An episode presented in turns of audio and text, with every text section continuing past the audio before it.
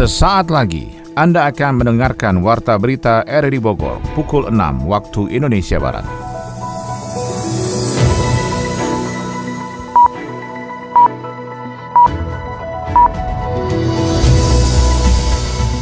Selamat pagi dan salam jumpa.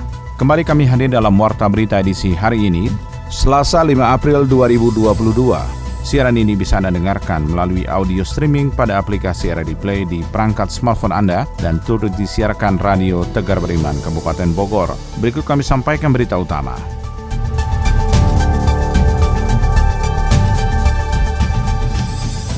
Kereta api Pangrango Bogor Sukabumi akan kembali beroperasi pada akhir pekan ini. Dari sana kemarin Pak Menteri sudah melihat, sudah mencoba secara langsung kondisi dari trek yang baru dibangun oleh kawan-kawan dari Satker, Jawa Barat, pembangunan double track dari Bogor Sukabumi. SPBU di Bogor kekurangan pasokan bahan bakar minyak jenis Pertalite. Mungkin karena apa permintaan banyak gitu Pak. Karena permintaan dari kendaraan-kendaraan kan sekarang beralihnya ke Pertalite. Hunian tetap bagi korban bencana longsor di Kecamatan Sukajaya direkomendasikan dibangun di lima desa. Dan dia mengerjakan nanti adalah pokmas, kelompok masyarakat. Sifatnya adalah swakelola, swakelola tipe 4. Saya Maulana Isnarto, inilah Warta Berita selengkapnya.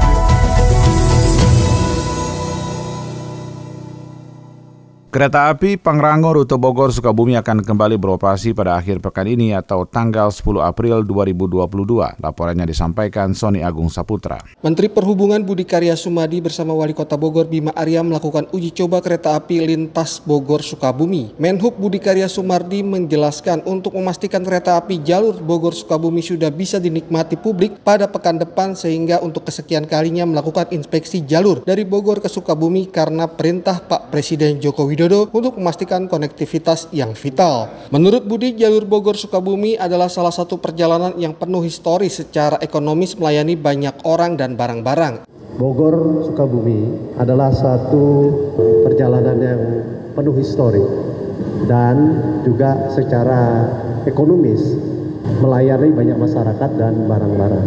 Nah, oleh karenanya Kementerian Perhubungan melakukan suatu upaya rekayasa rekayasa konstruksi yang mengulangi, mengurangi ketinggian dan membuat jalur ganda antara Bogor menuju Cicurug. Apa gunanya? Gunanya untuk agar kapasitas daripada kereta itu bertambah dari 5 6 menjadi 8 dan juga kecepatannya meningkat ya Tadinya lebih dari 100 menit menjadi 80 menit.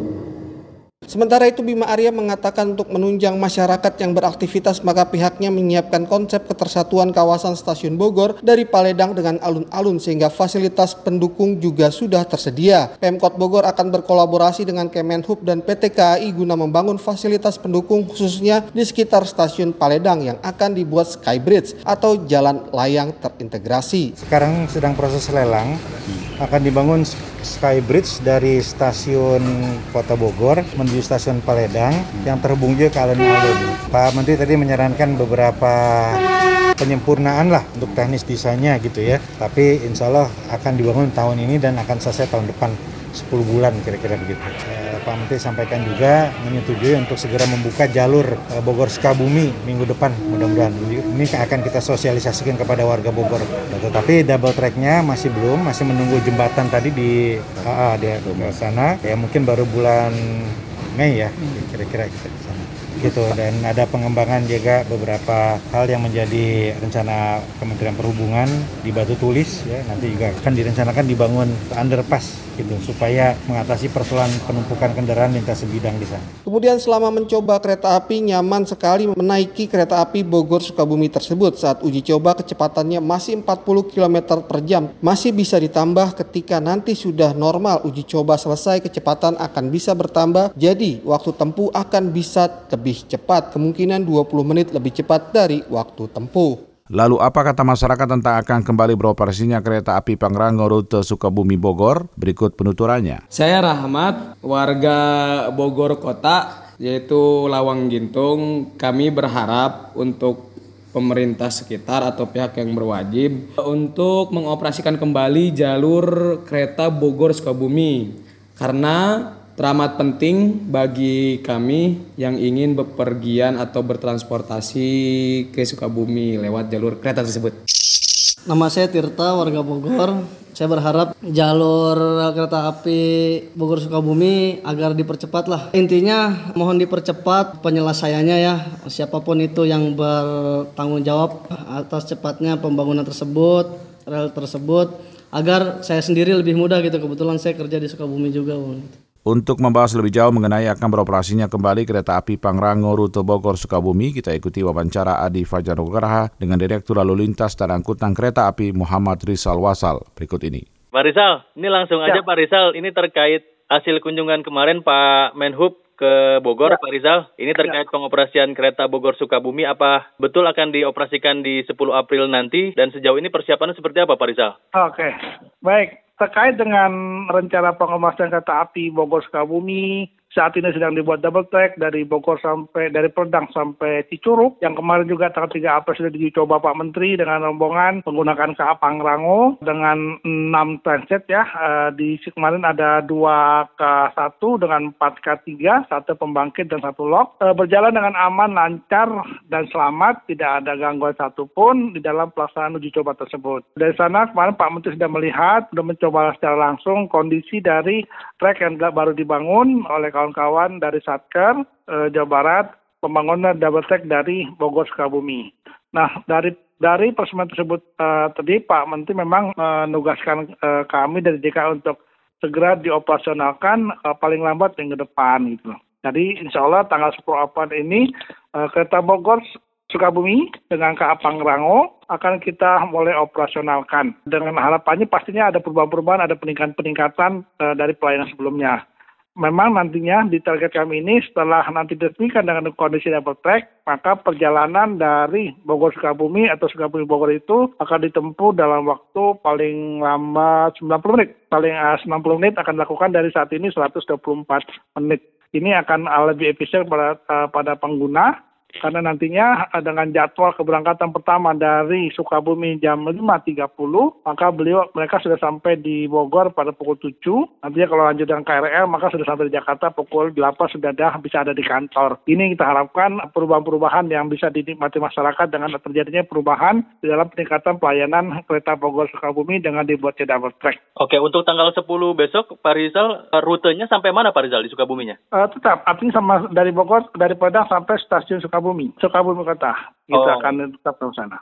Oke, dalam sehari Pak Rizal perjalanannya ada berapa kali dengan adanya double track uh, ini? Eh, ya, nantinya uh, ada besok itu dimulai ada 8 perjalanan ya, 4 PP, 4 ke arah Bogor, 4 ke arah Sukabumi. Dengan headway-nya sebenarnya per satu setengah jam sekali akan ada kereta. Oke, artinya berarti ini kan juga mungkin persiapan untuk mudik di tahun ini Pak Rizal. Apakah memang tiketnya sudah di sudah bisa dipesan dari sekarang Pak Rizal? Ah ini kita belum bicara tiket. Harusnya kalau bicara perjalanan tiket kan ini kan perjalanan antar kota yang bisa kita pesan tiket sebelumnya nih. Mm -hmm. uh, besok ini memang kita masih uji coba uh, tiketnya. Uh, tiketnya nggak jauh beda dengan harga yang sebelumnya. Mm -hmm. Ya dulu kalau dulu 40, sekarang mungkin naik 45. Kalau yang eksekutifnya uh, 85. Rencana seperti itu ya Mas rencana kita menunggu arahan lanjut dari Pak Menteri uh, oh. untuk tarif nanti. Oke, eh, berarti dari sekarang sebenarnya udah bisa dipesan Pak Riza? Harusnya sudah, karena kita akan operasionalkan kereta api tersebut. Nanti hmm. uh, eh, PT KAI akan menyiapkan masalah sistem tiketing tadi. Oke, siap Pak Rizal. Ini juga terkait persyaratan. Apakah memang ada beberapa persyaratan tertentu untuk perjalanan jatuhnya kereta api jarak jauh ini Pak Rizal ya? Kami sudah keluar SE, Kementerian Perubahan nomor 36, uh, nantinya akan ditindaklanjuti oleh dengan surat edaran dari PT KAI Uh, insya Allah besok pagi atau nanti malam sudah keluar uh, persyaratan untuk perjalanan uh, dalam negeri untuk menggunakan kereta api uh, jarak jauh. Hmm. Kita tunggu itu kan. Saya nggak bisa mendahului apa yang sedang disiapkan oleh PT KAI. Siap, siap. Yang jelas uh, kita ada persyaratan-persyaratan ya. Kalau sudah booster mereka tidak perlu dicek lagi. Kalau sudah dua kali divaksin hmm. menunjukkan antigennya itu. Pak Rizal, terima kasih atas informasinya Pak Rizal. Ya. Ya, salam sehat Pak Rizal. Assalamualaikum. Salam sehat. Waalaikumsalam. Aku, kalau sampai waktuku, ku mau tak seorang kan merayu, tidak juga kau. Berisik Jono, cepat banget sih. Muka sangar kok bacanya puisi, sopu jangga. Shh, diam Hayati. Cita-citaku ingin jadi sastrawan. seperti Hairil Anwar. Emang masih ada yang baca dan dengar puisi, John? Ah, nyepelein nih. Film ADC 2, puisi yang dibacain sama Rangga, tahu gak itu karyanya siapa? Karyanya Aan Mansur. Terelie, novelnya tuh ya diangkat jadi film tuh. Judul filmnya Hafalan Sholat Delisa. Satu lagi deh, Firsa Bersari. Dia itu punya buku, terus lirik-lirik lagunya puitis juga. Lagu kan di pasaran? Eh. Hmm, Wi, jawab tuh Wi. Aku nggak tahu mau jawab apa. Sama aku juga. John, John, ada gak sih puisi tentang cinta? Banyak nih buku sakti puisi aku. Coba-coba lihat. Nih, asik juga kan baca-baca puisi. Kita beralih ke informasi lainnya, bahan bakar minyak Pertalite di Bogor kekurangan pasokan. Laporan Sony Agung Saputra. Bahan bakar minyak BBM jenis Pertalite di kota dan kabupaten Bogor kurangan pasokan. Keterbatasan atau kekurangan pasokan ini sudah terjadi sejak kenaikan harga Petamax dari Rp9.000 menjadi Rp12.500. Ketua Iswana Migas Asep Eri Junaidi mengakui masih bisa terjadi kekurangan pasokan di Bogor dan sekitarnya untuk BBM jenis Pertalite. Kekurangan pasokan ini karena adanya peralihan masyarakat yang menggunakan Pertamax menjadi Pertalite semenjak adanya kenaikan. Mungkin ada keterlambatan sedikit. Di pengiriman ya mungkin karena apa permintaan banyak gitu pak. Karena permintaan dari kendaraan-kendaraan kan sekarang beralihnya ke pertalite dari biasa yang pertama. Ya kalau rata-rata SW1 SWBU 15 ton ya pak. Kali yang kota aja ada 25 25 SWBU eh 26 sekarang. Kabupaten ada 125 pak. Eh Hmm. 115 pak. 115 semuanya 140-an Pihaknya berkoordinasi dengan Pertamina untuk menyediakan pasokan Pertalite yang lebih banyak untuk memasok kebutuhan saat Ramadan. Meski demikian, pihaknya tidak berani menjanjikan adanya pasokan yang lebih banyak karena kebutuhan secara nasional juga meningkat untuk BBM jenis Pertalite. ya sedang diusahakan pak. Ya makan normal lagi.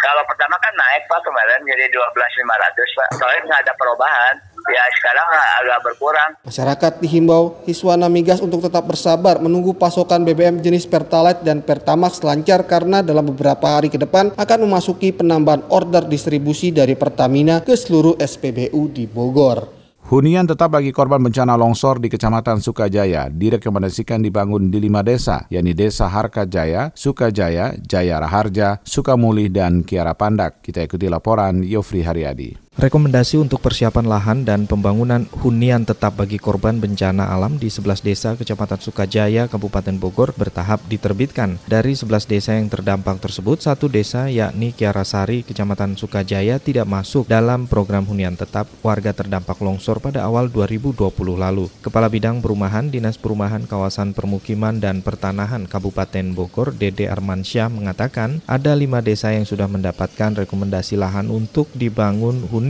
tetap bagi korban bencana longsor di Kecamatan Sukajaya, yakni Desa Harkat Jaya, Sukajaya, Jaya Raharja, Sukamulih, dan Desa Kiara Pandak. Pembangunan dilakukan dengan skema swaklola tipe 4 melibatkan Dinas Perumahan Kawasan Permukiman dan Pertanahan, Kantor ATR BPN Kabupaten Bogor, dan Dinas DPMD, pemerintah desa dengan cara membentuk Pokmas. Insya Allah dua minggu ini akan keluar lagi rekomnya Sukajaya, Jaya Raharja, Sipayung, Sukamuli, Kiara Pandak.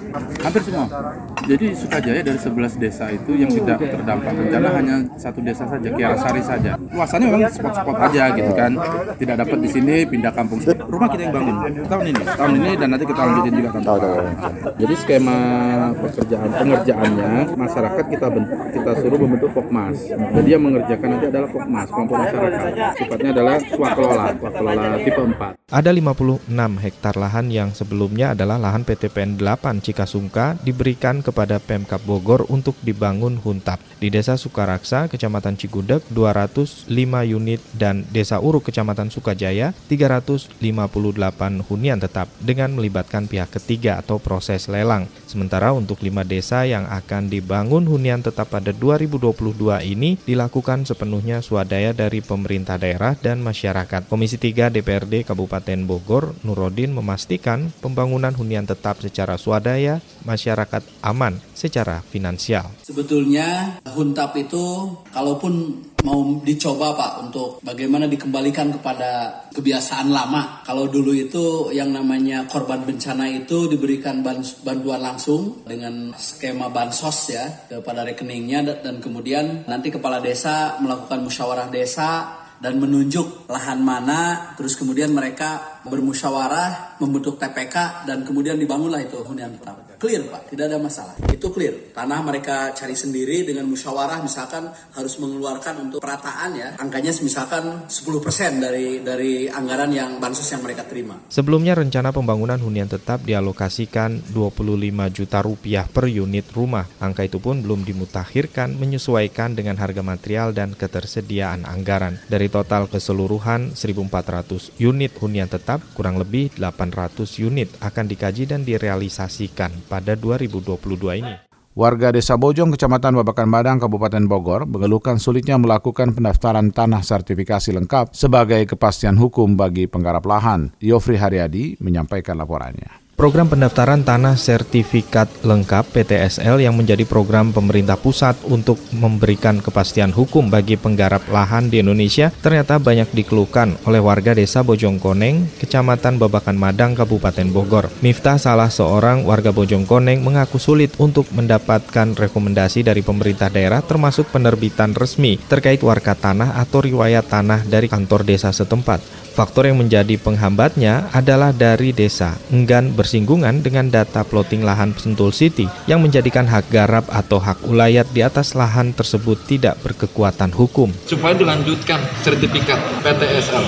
Jadi warga kami tidak khawatir. Dikarenakan selama ini mereka 30 tahun tidak pernah memegang sertifikat. Dengan adanya PTSL dengan dibantu Muspika dan Final, kami berterima kasih banyak. Jadi bukan diberhentikan Pak ya. Tanggi pendatang itu yang dimaksud pendatang warga pendatang, bukan asli pribumi Bojongkoneng. Mereka punya lahan di DPR. Hektaran. Betul. Belum lama ini, Kementerian Keuangan menyita hektaran lahan di wilayah Bojongkoneng dalam kasus BLBI yang telah memiliki keputusan hukum tetap dan masih banyak lagi perkara tumpang tindih lahan dengan banyak kepemilikan yang proses perdatanya berlangsung di pengadilan. Ketua DPRD Kabupaten Bogor Rudi Susmanto hanya dapat membawa aspirasi warga Bojongkoneng dengan pendekatan politis agar polemik klaim lahan di Bojongkoneng dapat di ditengahi. Kita akan tindak lanjuti, kita akan bersurat kepada pemerintah pusat, pada DPR hasil audiensi hari ini dan saya tentunya sangat mengapresiasi warga desa Bujong Koneng tanpa mengedepankan hal yang dalam tanda kutip mereka masih mau diajak bersilaturahmi, bermusyawarah. Tadi sebelum saya dari sini pun kekhawatiran warga penggarap lahan di Bojongkoneng dan beberapa lainnya di Cijayanti semakin beralasan dengan masuknya penggarap berdasi di tengah-tengah mereka yang mengklaim telah mendapat izin untuk membuka sentra perkebunan dan pertanian pertanian dalam skala yang besar menggunakan alat berat dan teknologi pertanian modern. Info Ekonomi Asosiasi Serikat Pekerja berharap pemerintah tidak memberikan celah perusahaan cicil THR pada pekerja. Pemerintah perlu mewaspadai keputusan Cina yang memperlakukan penguncian atau lockdown untuk Shanghai. Kita akan ikuti laporan ekonomi bersama Adi Fajar Nugraha. Wakil Ketua Dewan Pimpinan Asosiasi Pengusaha Indonesia DPP Apindo DKI Jakarta Nur Jaman berjanji akan memutar otak demi membayar tunjangan hari raya atau THR untuk pekerja pada tahun ini. Namun ia menegaskan perusahaan akan berusaha berusaha untuk memenuhi kewajiban pembayaran THR sepanjang memiliki kemampuan. Nurjaman mengatakan jika kelak ada perusahaan yang belum bisa memenuhi kewajiban membayarkan THR, maka harus ada saling pengertian antara pengusaha dan pekerja agar dapat menemui jalan tengah. Sementara itu Presiden Asosiasi Serikat Pekerja Indonesia Mirah Sumirat mengatakan, buruh sangat menyambut baik pernyataan pemerintah dalam hal ini Kementerian Ketenagakerjaan yang menegaskan bahwa pembayaran tunjangan hari raya atau THR akan diberikan secara penuh. Ia pun berharap pemerintah tidak memberikan celah agar perusahaan melakukan relaksasi ataupun pencicilan THR pada pekerja. Mirah mengatakan jika ada perusahaan yang mengajak berdiskusi dan meminta keringanan dalam memberikan THR, pihaknya dengan tegas menolak sebab anggaran untuk THR sebenarnya sudah dialokasikan oleh perusahaan perusahaan dalam satu tahun sebelumnya dalam Rencana Kerja dan Anggaran Perusahaan atau RKAP. Keputusan Cina yang memperlakukan penguncian atau lockdown untuk Shanghai patut menjadi perhatian, sebab hal itu bisa berdampak kepada ekonomi Indonesia. Direktur Center of Economic and Law Studies, Bima Yudhistira mengatakan, Indonesia perlu mengantisipasi lockdown itu terlebih tidak menutup kemungkinan lockdown akan meluas. Ia menyarankan Indonesia harus mulai mengalihkan ekspor, baik komoditas maupun industri olahan ke negara-negara yang pemulihan ekonominya relatif kuat dan mungkin sudah lebih tenang terhadap pandemi COVID-19. Selain itu, Bima berpesan harus ada koordinasi terus dengan pelaku usaha, baik eksportir maupun importir yang ada di Indonesia, terkait perkembangan situasi di Cina yang mungkin berpengaruh terhadap omset, kontrak-kontrak baru, ataupun perdagangan baru. Sementara itu, Direktur Indef Tauhid Ahmad menyarankan jalur perdagangan yang melalui Shanghai agar dialihkan. Namun hal itu sangat tergantung dari lamanya waktu lockdown. Jika skenario buruk terjadi, lockdown dilakukan dengan waktu yang lebih lama dan varian yang muncul dari gelombang baru ini ternyata lebih buruk. Menurutnya maka tentu akan ada peluang proyeksi pertumbuhan ekonomi Cina yang akan lebih rendah seperti yang diproyeksikan sebelumnya. Dari dunia olahraga, Federasi Arung Jeram Indonesia Faji Kabupaten Bogor optimis mempertahankan raihan medali di ajang Poprov Jawa Barat 2022. Laporannya disampaikan Ermelinda.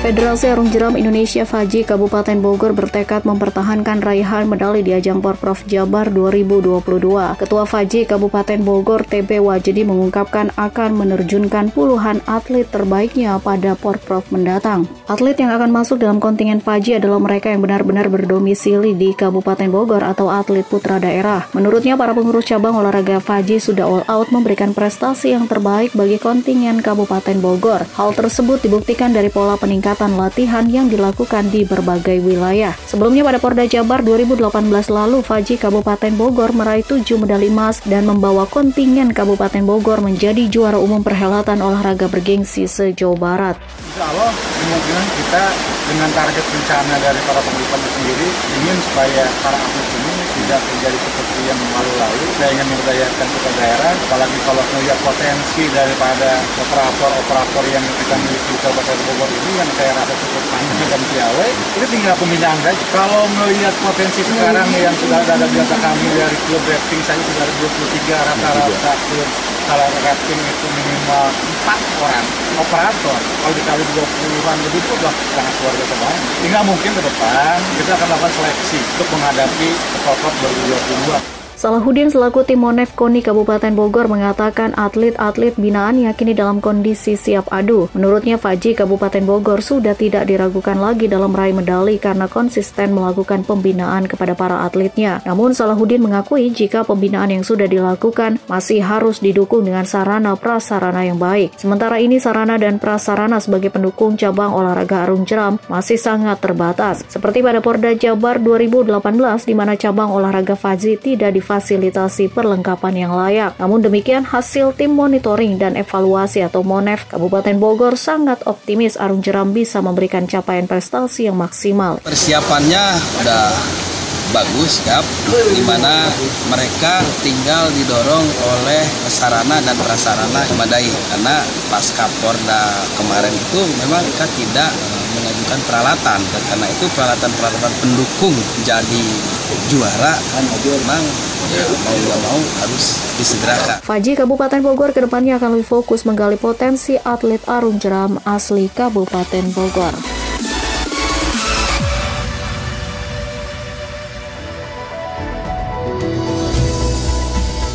Demikian rangkaian informasi yang kami hadirkan dalam Warta Berita di edisi hari ini. Sebelum berpisah, kami kembali sampaikan berita utama.